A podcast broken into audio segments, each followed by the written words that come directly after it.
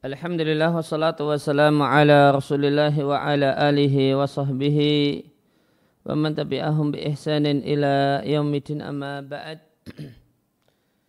Kaum muslimin dan muslimah rahimani wa rahimakumullah kembali kita lanjutkan membaca dan mentelaah sarah mandumah manhajil haq karya Syekh Abdurrahman Ibn Nasir As-Sa'di rahimallahu taala dengan penjelasan dari Syekh Abdul Razak Ibn Abdul Musin Al-Abad Al-Badr Hafizahumullahu Ta'ala.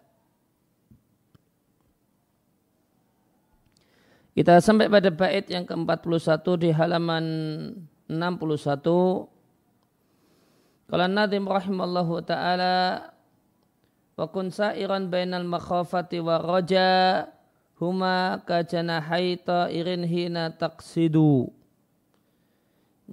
Jadilah engkau sairan berjalan di antara rasa takut dan harap.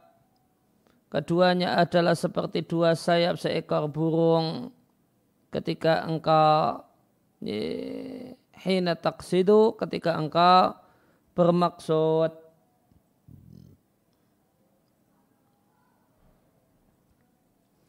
penjelasannya hina taksidu ketika engkau bermaksud dalam perjalananmu menuju Allah Azza wa Jalla karena cinta kepada Allah dan mencari ridhonya maka jadilah dalam perjalanan menuju Allah tabaraka wa taala jadilah bainal makhafati wa rajai antara rasa takut dan harap.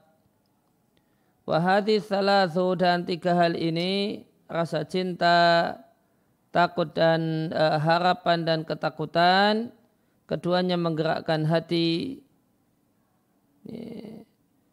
ya, keduanya adalah penggerak hati dan hati memerlukan ketiganya dauman selamanya atau wa abadan dan seterusnya. Wa yajibu an takuna mal abdi dan wajib tiga hal tersebut bersama seorang hamba bistimrarin secara terus menerus maka Allah azza wa jalla itu disembah dengan rasa cinta, harapan dan rasa takut. Dan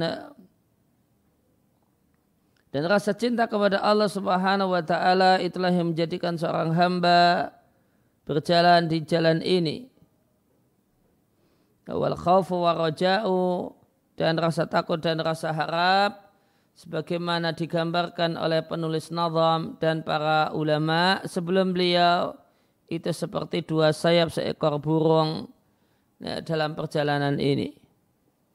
Ibn Taimiyah rahimahullah ta'ala mengatakan wala buddha dan harus natanbih diingatkan ala qaidatin satu kaidah tuhariku al-quluba ilallahi azza wa jalla yang menggerakkan hati menuju Allah azza wa jalla. Fata'tasimu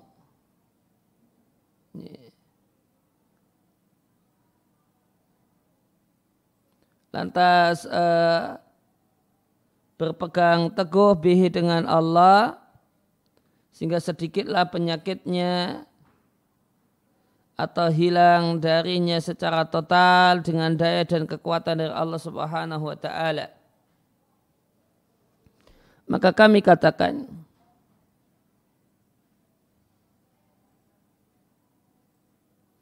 Ilam katailah bahasanya yang menggerakkan hati menuju Allah Azza wa Jalla itu ada tiga rasa cinta, rasa takut dan harapan. Penggerak hati yang paling kuat adalah rasa cinta. Dan rasa cinta ini maksudaton satu hal yang dimaksudkan turaduli dhatiha. Diinginkan karena zatnya. Lianna turadu fitunya karena rasa cinta ini diinginkan di dunia dan di akhirat. Lain halnya dengan rasa takut. Rasa takut itu di akhirat akan hilang Sebagaimana firman Allah Ta'ala Ala inna awliya Allah ila khawfun alaihim walahum yahzanun. Ingatlah bahasanya para kekasih Allah mereka tidak memiliki rasa takut tidak pula mereka bersedih hati. Dan rasa takut yang diinginkan dengan rasa takut adalah az-zajr melarang wal mana' dan mencegah supaya tidak keluar dari jalan.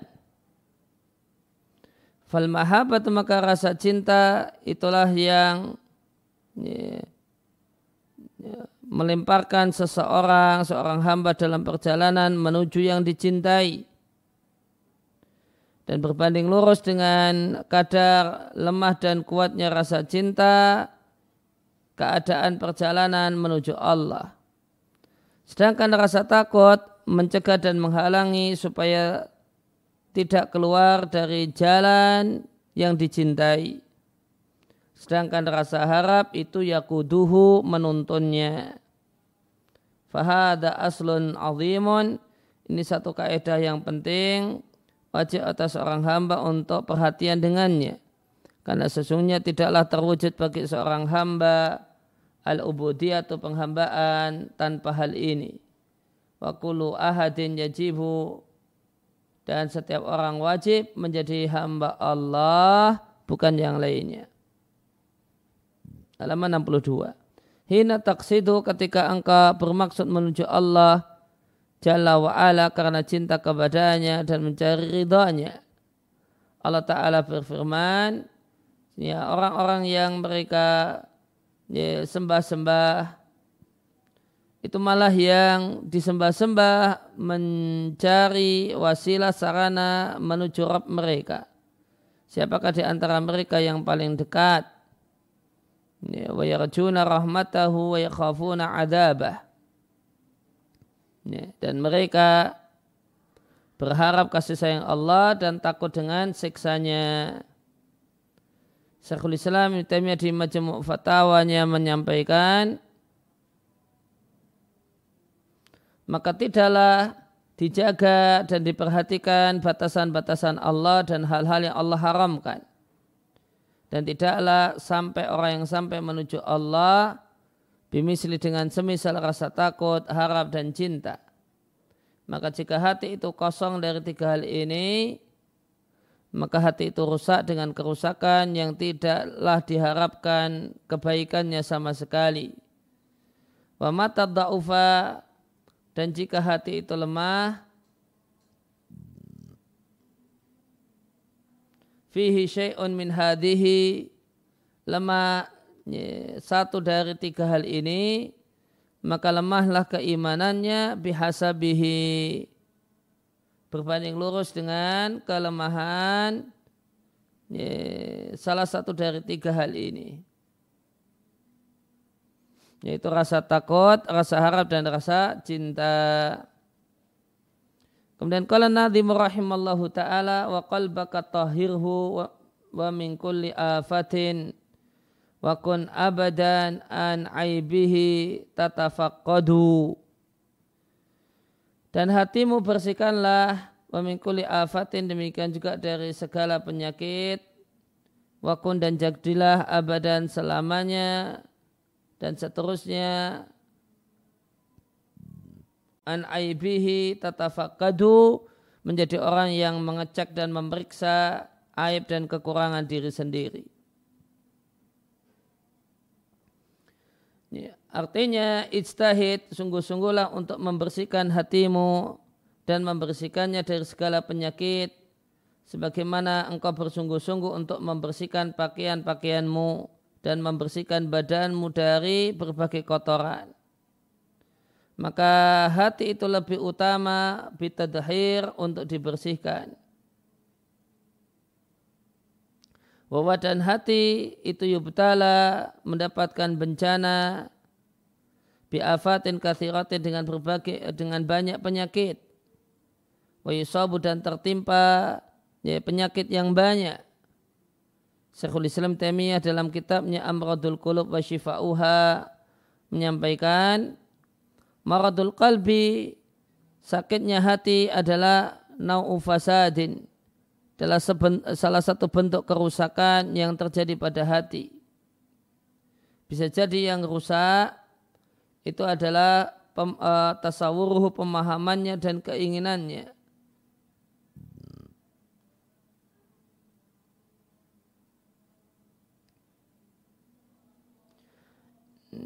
Pemahaman yang yang dimiliki oleh hati itu rusak bisubuhat dengan racun-racun pemikiran yang terjadi padanya sehingga hatta layar al haqqa tidak melihat kebenaran atau melihat kebenaran itu berbeda dengan keadaan senyatanya. Kemudian yang kedua, kerusakan keinginan hati. Ya, hati keinginan hati itu rusak manakala membenci kebenaran yang manfaat dan menginginkan dan menyukai kebatilan yang berbahaya. Sekian kutipan. Ya, maka uh, hati yang sakit ya, maka sakitnya hati secara global itu ada dua kategori. Ya, sakit uh, pemahamannya ataukah sakit keinginannya sakit tasawurnya ataukah irodahnya. Maka hal-hal, maka pemahaman yang menyimpang, akidah yang sesat, itu merusak tasawur, merusak pemahaman. Sedangkan maksiat dengan berbagai macam bentuknya, itu merusak keinginan. Sehingga karena keinginannya rusak, maka kebaikan tidak lagi terlihat sebagai kebaikan ini kebaikan terlihat sebagai sebuah kejelekan. Kemudian watadhirul qalbi membersihkan hati itu dengan tauhid dan ikhlas dengan ketulusan. Dan ramainya hati itu dengan amal-amal hati yang saleh. Halaman 63. Yang dengan amal-amal tersebut maka terwujudlah taharatul qalbi, kebersihan hati, wanaqa'uhu dan bersihnya hati dan selamatnya hati dari berbagai macam kotoran dan kejelekan. Ibnul Qayyim rahimallahu taala menyampaikan di kitabnya Al-Fawaid hati itu bisa sakit sebagaimana badan sakit. Ya, sembuhnya hati dengan bertobat, walhimyah dan pencegahan. Hati itu bisa berkarat sebagaimana berkaratnya cermin. Hati itu akan jadi terang, karatnya hilang dengan berzikir. Hati bisa telanjang sebagaimana telanjangnya raga. Wazinatuhu dan yang memperindah hati adalah takwa. Hati bisa lapar dan bisa haus sebagaimana badan itu lapar Ya, makanan dan minuman hati, asupan hati adalah pengetahuan, rasa cinta dan tawakal, wal inabah dan kembali kepada Allah. Sekian kutipan. Wakun abadan an aibihi tatafaqadu artinya daiman selalu fatis periksalah kekurangan pada dirimu penyakit-penyakit hatimu Wamada fika minal afati. Ya, apa saja berbagai macam penyakit yang ada pada dirimu. Lita'mala ala tangqiyatihi wa tatahirihi. Ya, supaya anda bisa beramal atau berupaya untuk membersihkannya dan membersihkannya. Musta'inan billahi tabaraka wa ta'ala dalam keadaan minta tolong kepada Allah tabaraka wa ta'ala. Ibn Al-Qayyim mengatakan, Siapa saja yang Allah tidak bersihkan hatinya, fala buddha maka tidak boleh tidak dia akan mendapatkan kehinaan di dunia dan adab di akhirat. Bihasabi berbanding lurus dengan kenajisan hatinya dan kebusukan hatinya.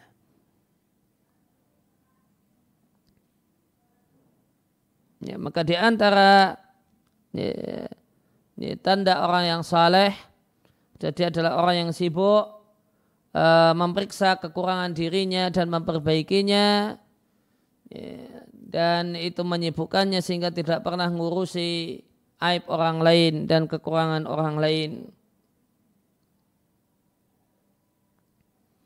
Kemudian kalau Nabi rahimallahu taala wajamil binusil khalqi qalbaka innahu la'a'la jamalin lil qulubi wa ajwadu Indahkanlah dirimu dengan binusil khalqi, menginginkan kebaikan untuk orang lain.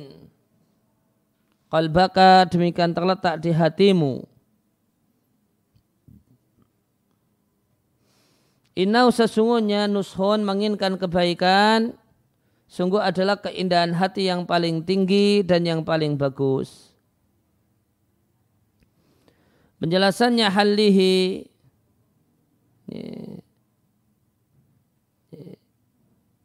indahkanlah dan zayyinhi indahkanlah daiman selalu wa abadan dan seterusnya. Indahkanlah hati dan beri perhiasan hati dalam bentuk an-nushi lil khalqi. Menginginkan kebaikan untuk ya, menginginkan kebaikan untuk yang lain.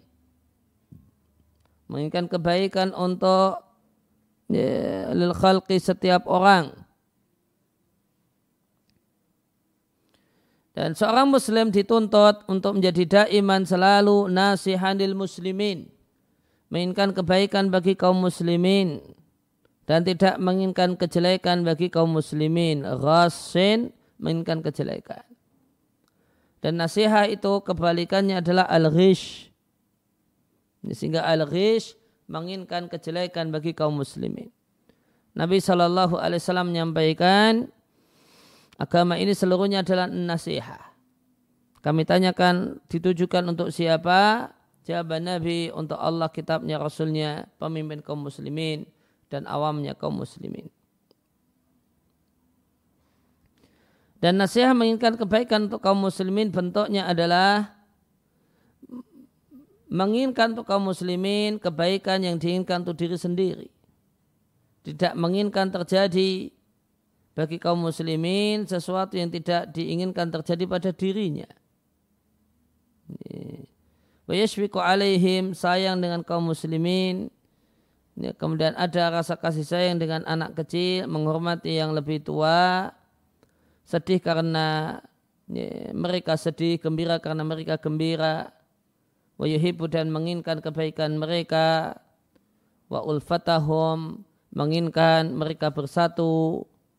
Ini, ini ada persatuan di tengah-tengah kaum muslimin. Menginginkan dawamin ni'am alaihi langgengnya nikmat ya, yang didapatkan kaum muslimin.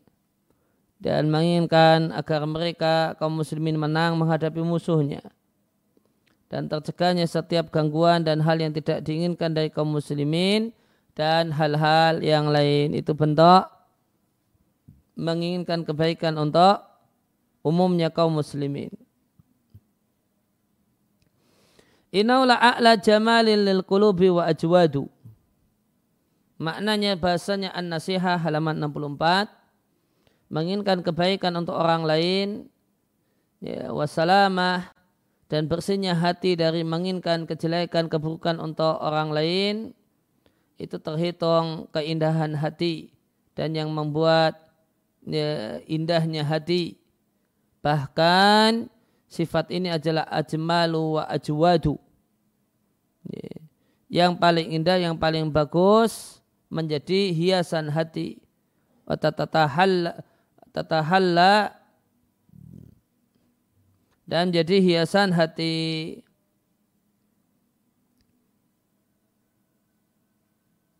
Wa naqidu dhalika dan kebalikan dari hal itu adalah al-ghish. Kebalikan dari nasihat adalah al-ghish.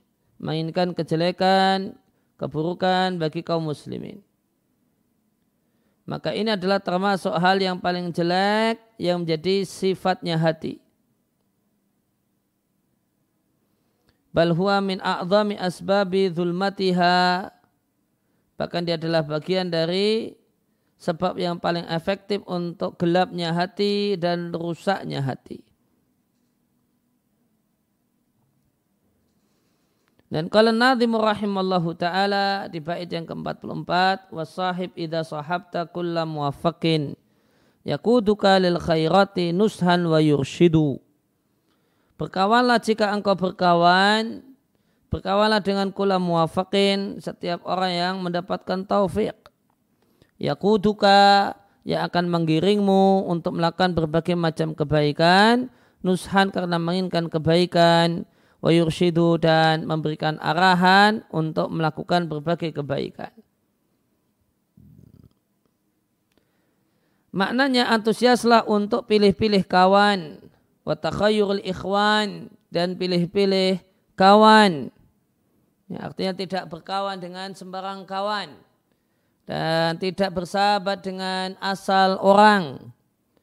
Dalam hadis yang sahih dari Nabi kita alaihi salatu wasalam, anahu Nabi mengatakan, seseorang itu mengikuti agama kawan dekatnya, maka adalah salah satu kalian melihat siapa yang menjadi kawan dekatnya.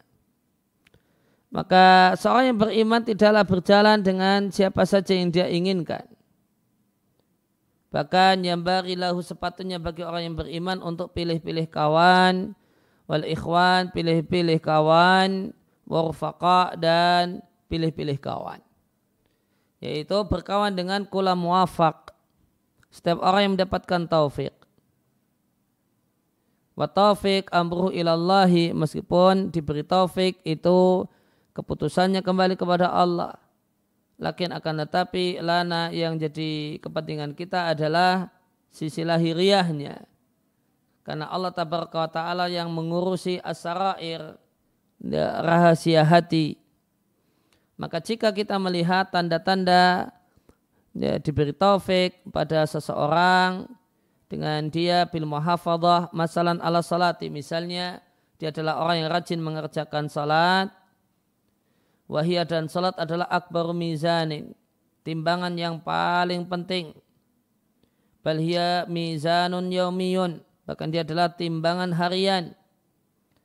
Taktashifu tersingkaplah dengan dengannya, dengan salat, keadaan kawan anda selama 24 jam. Apakah hal huwa min ahli salati orang yang perhatian dengan salat ataukah orang yang menelantarkan salat maka jika dia adalah orang yang perhatian dengan dengan salat maka ini adalah tanda mendapatkan taufik. Namun jika tergolong orang yang menelantarkan salat maka tidak ada kebaikan bersahabat dengannya. Kecuali jika Anda ingin mengobatinya dan memperbaikinya. Bukan sekedar uh, dia dijadikan sebagai teman akrab, teman dekat, dan kawan. Ya, maka pilihlah orang yang betul-betul saleh. Nah, kalau betul-betul saleh sebenarnya nggak tahu kita. Sehingga uh, maka yang dimaksudkan adalah yang kelihatannya saleh. Dengan membaca tanda-tanda seorang itu diberi taufik oleh Allah Subhanahu wa taala. Dan di antara tanda paling penting tentang hal ini adalah uh, perhatian tentang masalah salat. Karena salat adalah a'zamu mizanin timbangan yang paling efektif bahkan dan dia adalah timbangan harian. Maka siapa yang perhatian dengan salat, maka insya Allah perhatian dengan yang lainnya. Siapa yang menelantarkan salat, maka dia menelantarkan hal-hal yang lain.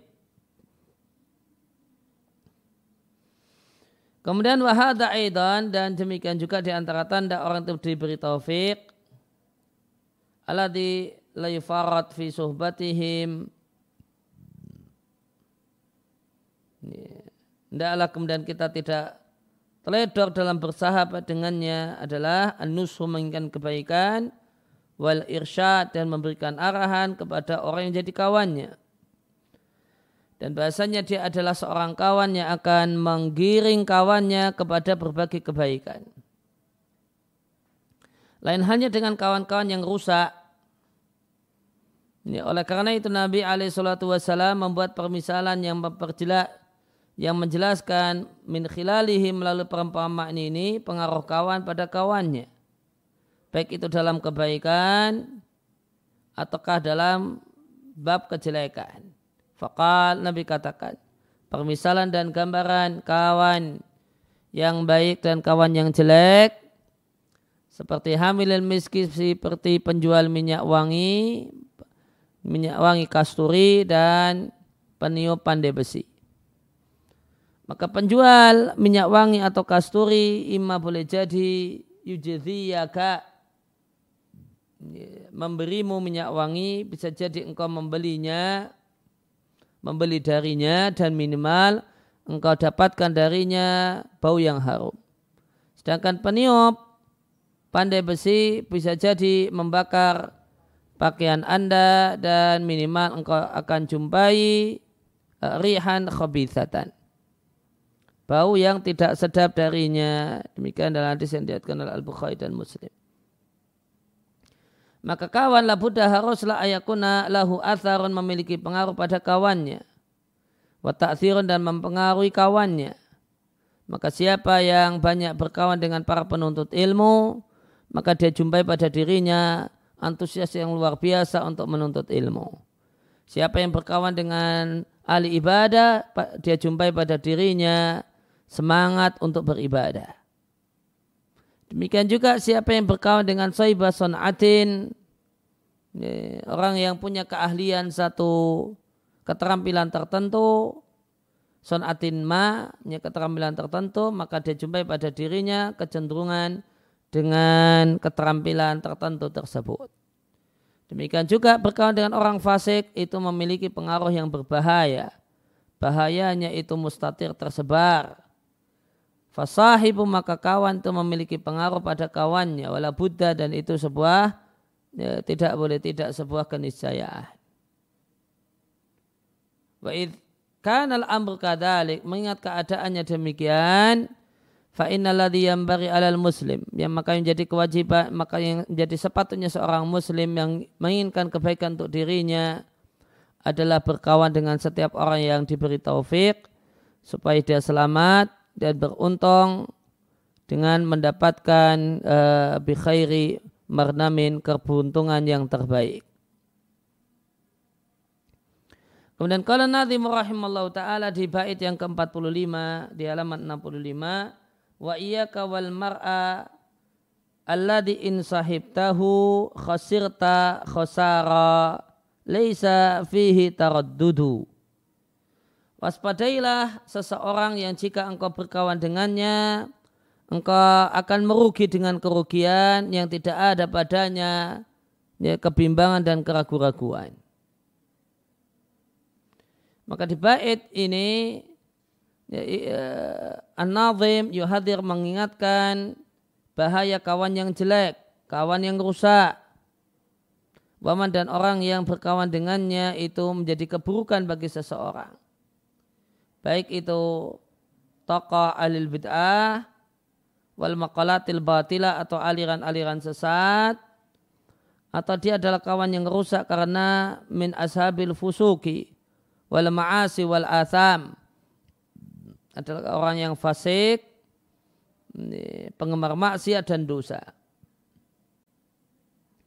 Maka berkawan dengan ya, misli haula semisal mereka-mereka wal mubasata dan uh, ber, uh, berakrab mengakrabkan diri dengan mereka menyebabkan terpengaruh dengan mereka.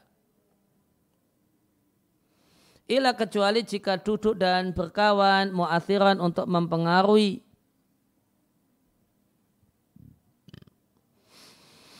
Untuk mempengaruhi kawannya di, uh, di uh, dengan dengan alat yang telah Allah berikan kepadanya berupa memiliki ilmu, menginginkan kebaikan dan kepandaian dalam berbicara. Adapun jika duduk bersama mereka ya sekedar duduk senang-senang, mubasata mengakrabkan berakrab-akrab ria. Fakat ya'ti alaihi yaumun maka akan datang badannya satu hari yakunu fi di hari tersebut dia akan jadi semisal mereka itu kawan yang rusak karena terpengaruh dengan kawan. Wafi hada dan di zaman kita saat ini istajadda naun minal ashabi wal khulata muncul baru muncul kawan dan sahabat jenis yang baru yang tidak ada di masa silam. Wa athara dan kawan yang baru ini memberikan pengaruh pada kawannya dengan pengaruh yang khatiranil ghaya, sangat-sangat berbahaya. Wajana ala kathir minan nasi ini kawan baru ini, kawan jenis baru ini berbuat jahat pada banyak orang. Ini halaman 66, jinayatan balighatan dengan kejahatan yang luar biasa. Ala wahya ala wawa mujalasatul qanawatil fadaiyah. Itulah berkawan dengan channel-channel televisi. Ya, channel-channel televisi, channel-channel tontonan. Ya, channel televisi itu ya pengembangannya kemudian channel YouTube atau kemudian kalau orang suka nonton dari Facebook ya uh, channel tontonan di Facebook wa mawaqi syabaka al ankubutiyah ini, ini situs. Syabakah al ankubutiyah itu internet. Mawaqi jamak dari mawaqi itu situs atau web.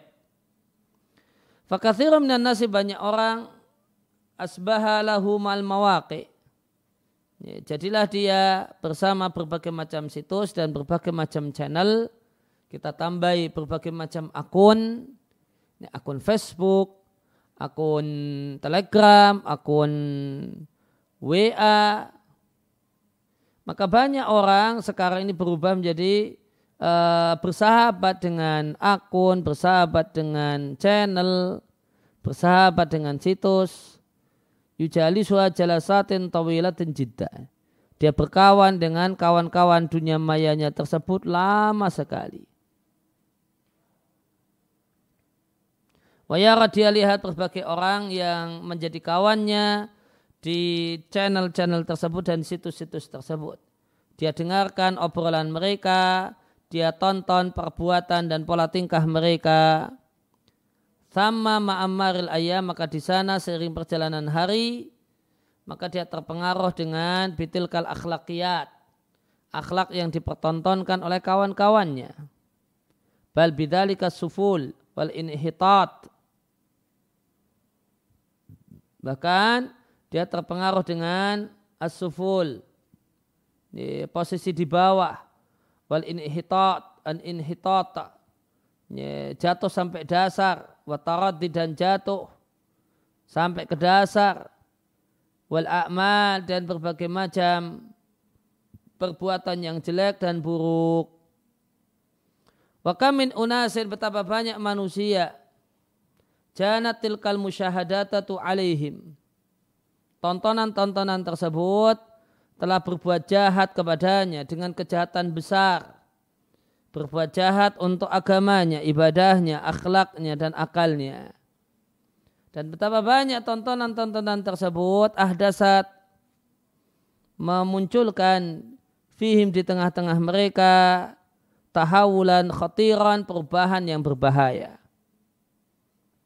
Maka wajib haito hati-hati wal hadar dan waspada sehingga hatta yaslama lil mar'i sehingga selamatlah agama seseorang.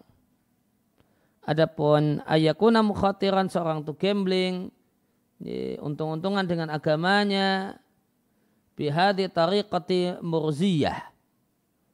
Dengan cara yang yang hina ini atau yang jelek ini wal billahi maka ini min a'zamil jinayat termasuk kejahatan yang paling besar dan termasuk sebab kerugian yang paling besar. Kama kala nadhimu sebagaimana dikatakan oleh an-nadhim khasirta khasara laisa fihi taraddudu. Anda rugi dengan kerugian yang Anda tidak bimbang kalau Anda itu rugi. Artinya kerugian yang jelas dan gamblang tidak diragukan kegamblangan bahayanya wala raiba dan tidak ada keraguan.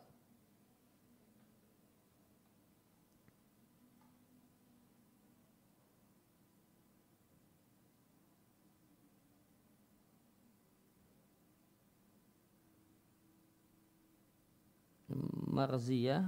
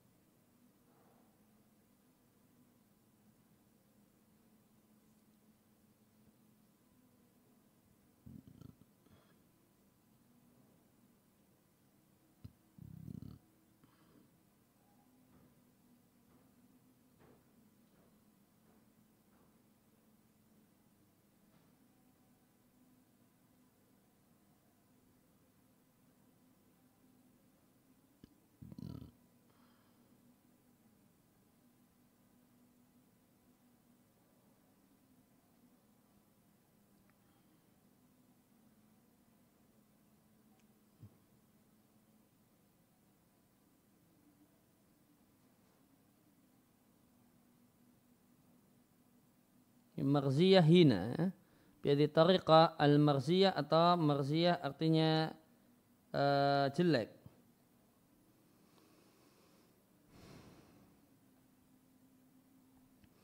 Nah, kemudian kalau Nabi rahimallahu taala khudil afwa min akhlaqi man qad sahibtahu kama ya'mur rahmanu fihi wa yurshidu. Ambillah yang mudah dari akhlak orang-orang yang engkau berkawan dengannya sebagaimana diperintahkan oleh Allah Ar-Rahman wa yurshidu dan bimbingan dan arahan yang diberikan oleh Allah Ar-Rahman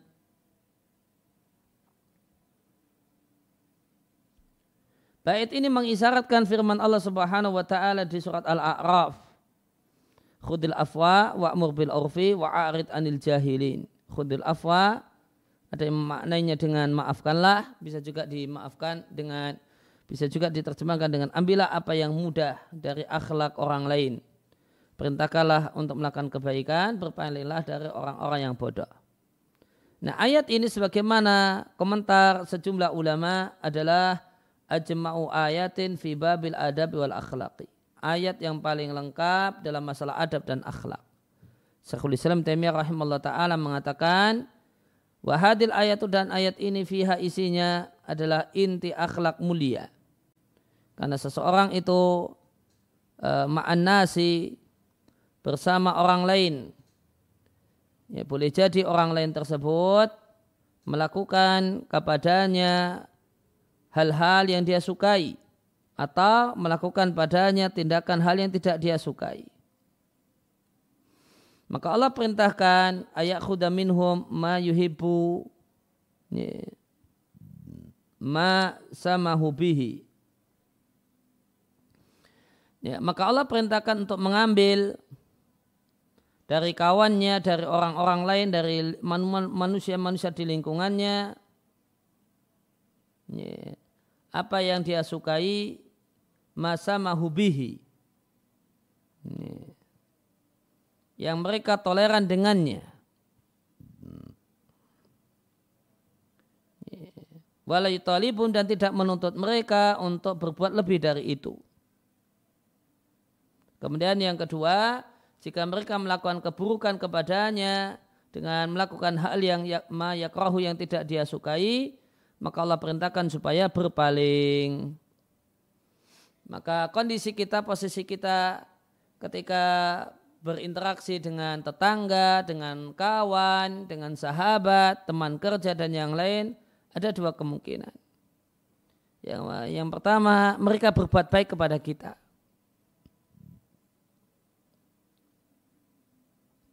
Nah, maka Allah perintahkan ketika orang-orang di lingkungan kita itu berbuat baik kepada kita, maka Allah perintahkan sikap kita kepada mereka adalah khudil afwa.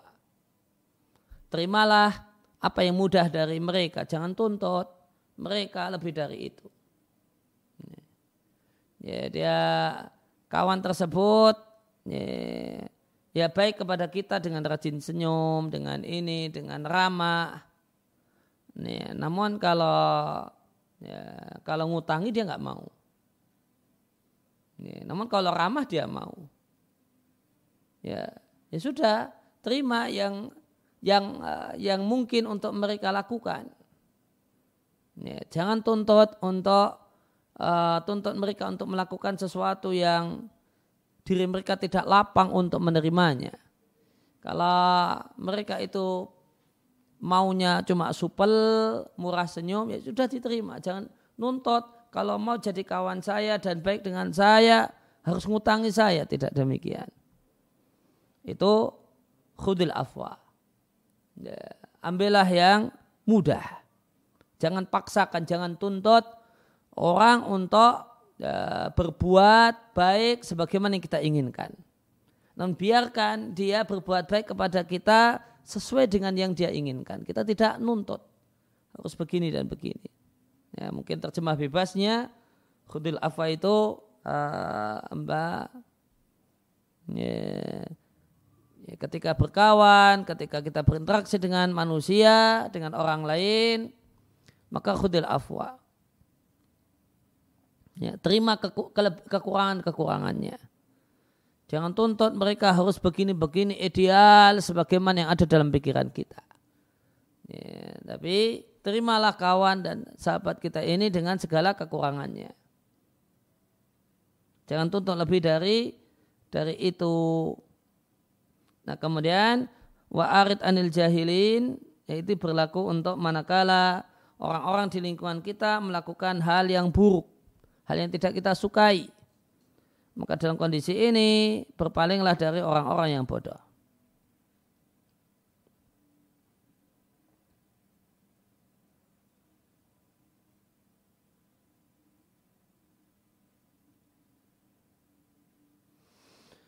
Nah, walinadim rahimallahu ta'ala dan saya Ibn Sa'di rahimallahu ta'ala memiliki perkataan yang sangat luar biasa menjelaskan kandungan ayat ini di kitabnya yaitu tafsir Taisir Karimi Rahman. Yang perkataan beliau ini dipuji-puji oleh muridnya Syekh Muhammad Ibn Salat Al-Uthaymin di mukadimah Ibn Uthaymin untuk tafsir Sa Abdurrahman As-Sa'di rahimallahu ta'ala. Dan Ibn Uthaymin menilainya sebagai salah satu kelebihan dari buku tafsir ini. Dan bahasanya Syekh Ibn Sa'di rahimallahu ta'ala eh, memberikan perhatian dalam buku tafsirnya ini aspek pendidikan dan aspek perbaikan akhlak.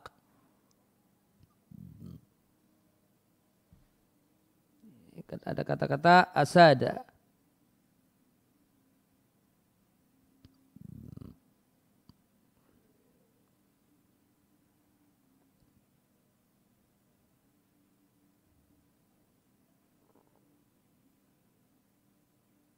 Meninggikan. Asna alaihi ya, menyanjung. Bisa maknanya menyanjung. Ya, saya menurut Sa'di rahimahullah ta'ala mengatakan tentang ayat ini yaitu Al-A'rab ayat 199 ayat ini jami'aton mencakup memuat husnil khuluqi akhlak mulia bersama orang lain. Dan hal-hal uh, yang bari fi muamalatihim yang sepatutnya dilakukan dalam interaksi dengan orang lain. Ya, maka hal yang yang baru sepatutnya ayu amalu bi annasu.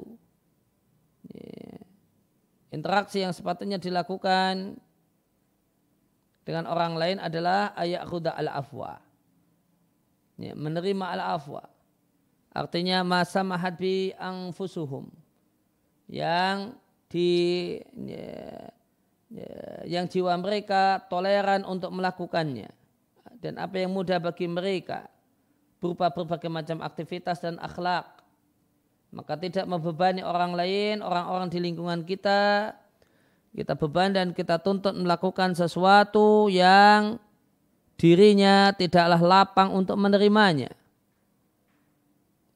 Bal yashkuru ahadin. Namun dia berterima kasih dan memberikan apresiasi min ahadin dari semua orang maqabalahu bihi. Ya. Dari orang semua yang ya, diberikan oleh orang lain tersebut kepadanya. Dia berterima kasih dengan semua ucapan dan perbuatan yang indah. Wa mahuwa tunadalika dan yang kurang eh, dan kurang dari hal itu. Dan dia maafkan keteledoran orang lain. Wa yahuddu dan dia tutup wa yahuddu tarfahu dia tutup mata dengan kekurangan orang lain.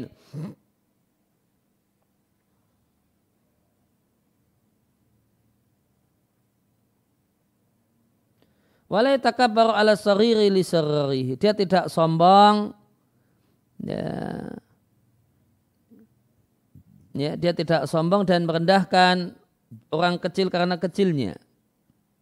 Wala naqasa al aqla li naqsihi ya, dan dia tidak merendahkan akal karena kurangnya akal. Tidak kemudian menghina orang fakir karena fakirnya.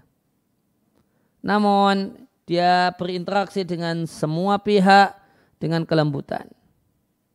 Wal muqabala dan merespon, memberikan respon dengan sikap-sikap orang lain sesuai dengan tuntutan keadaan.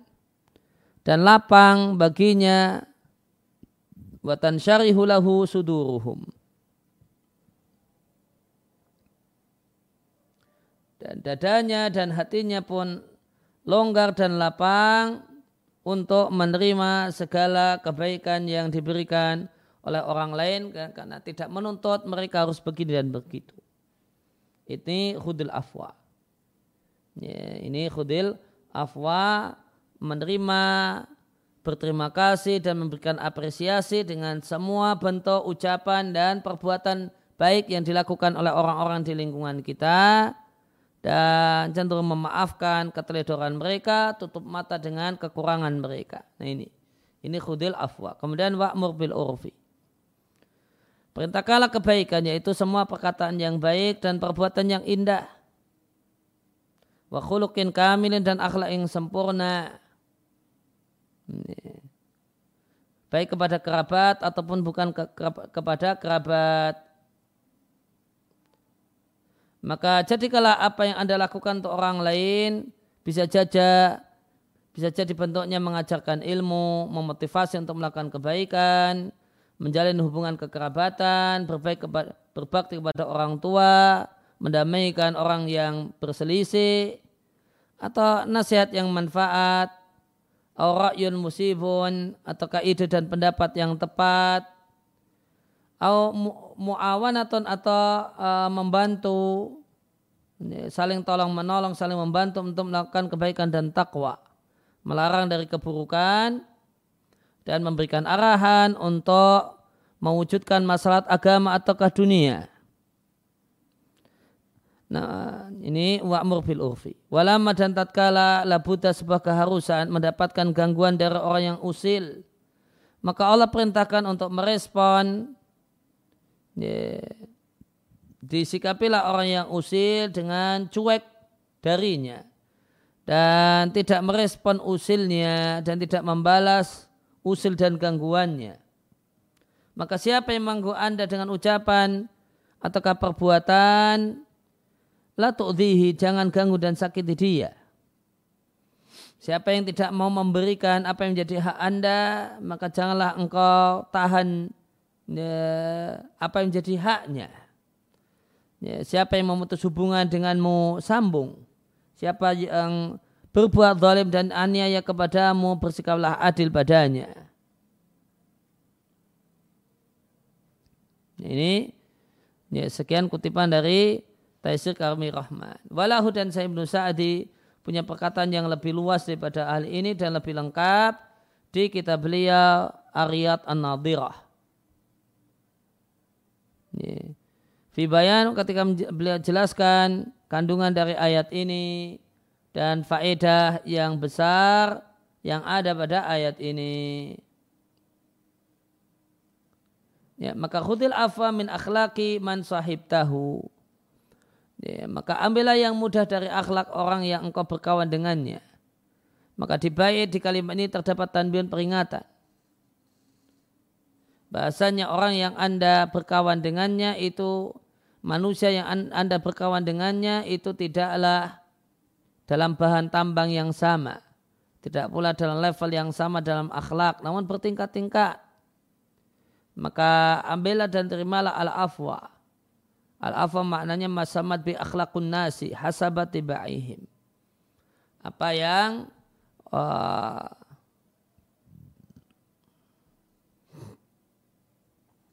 akhlak orang lain yang mungkin untuk mereka lakukan sesuai dengan kecenderungan mereka dan kualitas bahan tambang mereka tidak menunggu kesempurnaan dari semuanya dan tidak menuntut kesempurnaan dari semua orang-orang yang ada di uh, di lingkungan kita. Maka di antara manusia ada orang yang menjumpai Anda dengan akhlak mulia yang tinggi. Dan di antara mereka ada orang yang menjumpai Anda dengan akhlak yang jelek dan sikap yang kasar. Fakhud hada wa hada. Maka terimalah ini dan itu. Fakhud hada wa dhaka. Maka ini engkau terima bitakdir dengan menghargainya dan menghormatinya. Wa wadakan itu engkau terima dengan memaafkan dan memaafkan. Karena bukalah sebuah uh, walais walais minad daruri dan bukalah satu hal yang harus, bukan sebuah keharusan. Orang yang berbuat buruk kepada Anda kali ini dia akan terus-menerus berbuat buruk. Bahkan idza akhadtahu bil afwi. Jika Anda maafkan dan Anda sikapi dengan lembut, Anda tolak dengan uh, sikap yang lebih baik,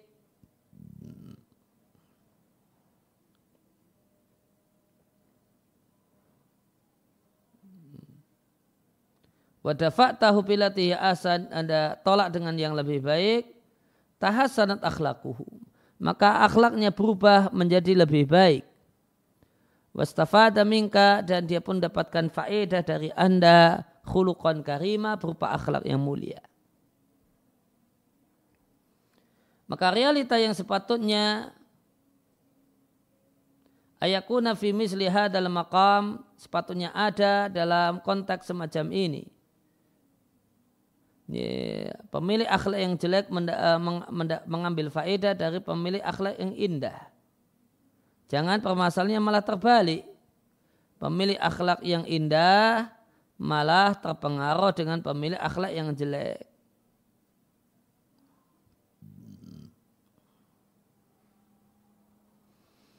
Bal al bahkan yang benar adalah bertahan dalam levelnya.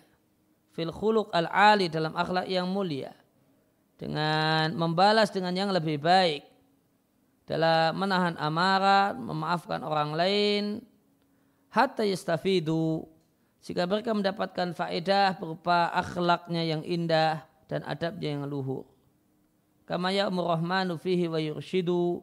Sebagaimana yang akhlak ini adalah satu hal yang Allah perintahkan dalam firman-Nya di surat Al-A'raf. Khudil afwa wa'mur bil urfi wa'arid anil jahilin. Ya, terimalah apa yang mudah dari akhlak orang lain, ajak untuk melakukan kebaikan, berpalinglah, cueklah dan masa bodohlah dengan uh, tindakan usil dari orang-orang yang suka usil. Ya, demikian yang kita uh, baca sebatan pagi hari ini. Wassalamualaikum ala nabiyina Muhammadin wa.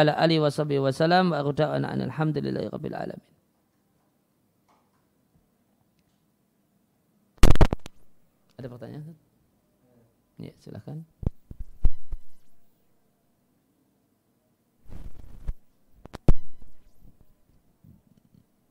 Baik, saat uh, eh, ada pertanyaan. Bismillah, Assalamualaikum warahmatullahi wabarakatuh. Waalaikumsalam warahmatullahi wabarakatuh.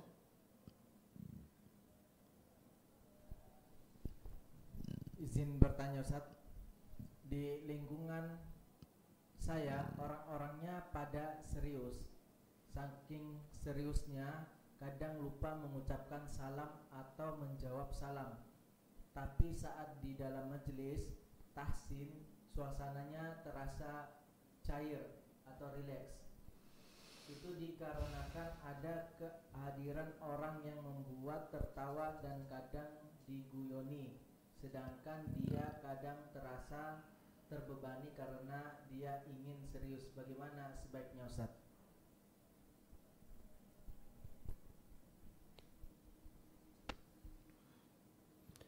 Uh, saya kurang jelas dengan uh, gambaran yang diberikan. Ya, maka uh, nasihat yang bisa kami sampaikan, ini, seserius apa pun, ya, Serius itu tidak menghalangi untuk mengucapkan salam. Dan jika kita mendapatkan ucapan salam kondisi serius itu tidak boleh menyebabkan kita tidak melaksanakan kewajiban menjawab salam. Ya, kemudian ya, sikap yang benar adalah serius dalam suasana serius dan santai dalam suasana santai. Ketika duduk bersama guru untuk belajar uh, tahsin atau yang lainnya, maka pada dasarnya serius. Kecuali guru, sang guru uh, membolehkan atau kemudian mencontohkan guyonan untuk mencairkan suasana. Namun dia yang mengendalikan majelis tersebut. Mau dibuat pada hukum asalnya yaitu serius ataukah dibuat santai dengan dia melakukan guyonan-guyonan ringan ya, maka tidak mengapa namun guyonan itu ada di tangan guru bukan murid yang guyoni guru uh, di suasana belajar semacam ini itu yang bisa respon yang bisa saya berikan subhanakallahumma bihamdika asyhadu an la ilaha illa anta astaghfiruka wa atubu ilaik